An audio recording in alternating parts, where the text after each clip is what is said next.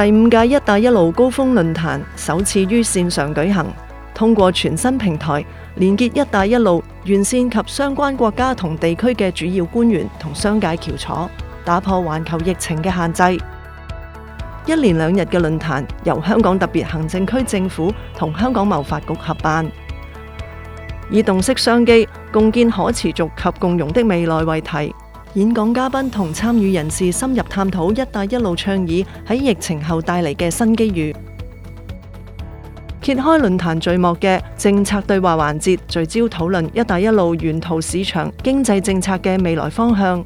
而出席主论坛嘅演讲嘉宾就集中讨论可持续同共融发展，点样结合数码急速转型，以协助全球嘅经济复苏。Sustainability and inclusiveness go together. because for um, uh, a solution or way of doing to be sustainable, you need uh, the contribution of all. When we look at the future, uh, there again, on, on, it's a kind of triangle between sustainability, inclusion, and digitization. Because digitization allows you to do one thing, which is to share. And therefore, you can get the best of all the stakeholders to improve together. We started five years ago under the Internet of Things, on the development of AI, is changing completely the way we live. So we are just at the beginning of that revolution.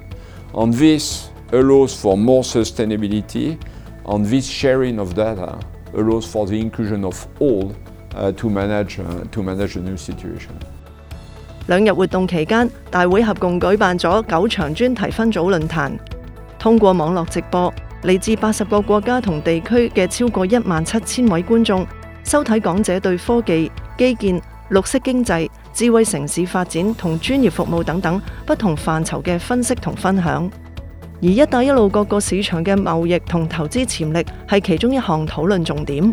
响去任何国家嘅时候，都要睇翻究竟对海外市场上面嘅关税嘅优惠啊，或者系。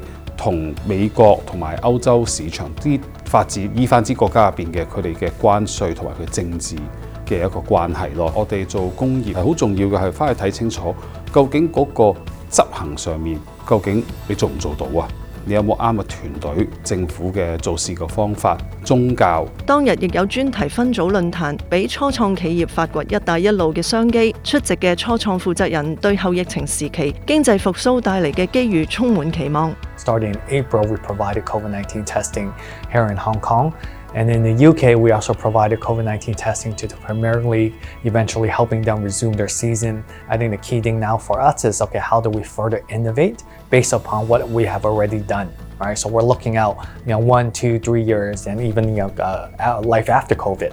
What are the technologies that we can utilize or start in R&D pipeline that will be beneficial and impactful to everyone?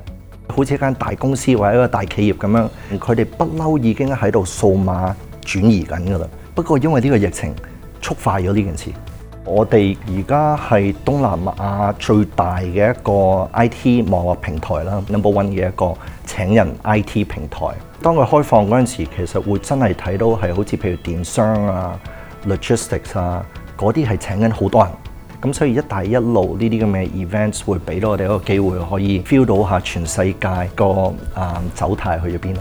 除咗论坛、展览、商贸配对同投资项目推介等“一带一路”高峰论坛常设嘅活动，今届亦转到网上进行。服务提供者、项目拥有人同投资者通过网上平台同其他参会人士联系交流，了解市场最新资讯，发掘合作机会。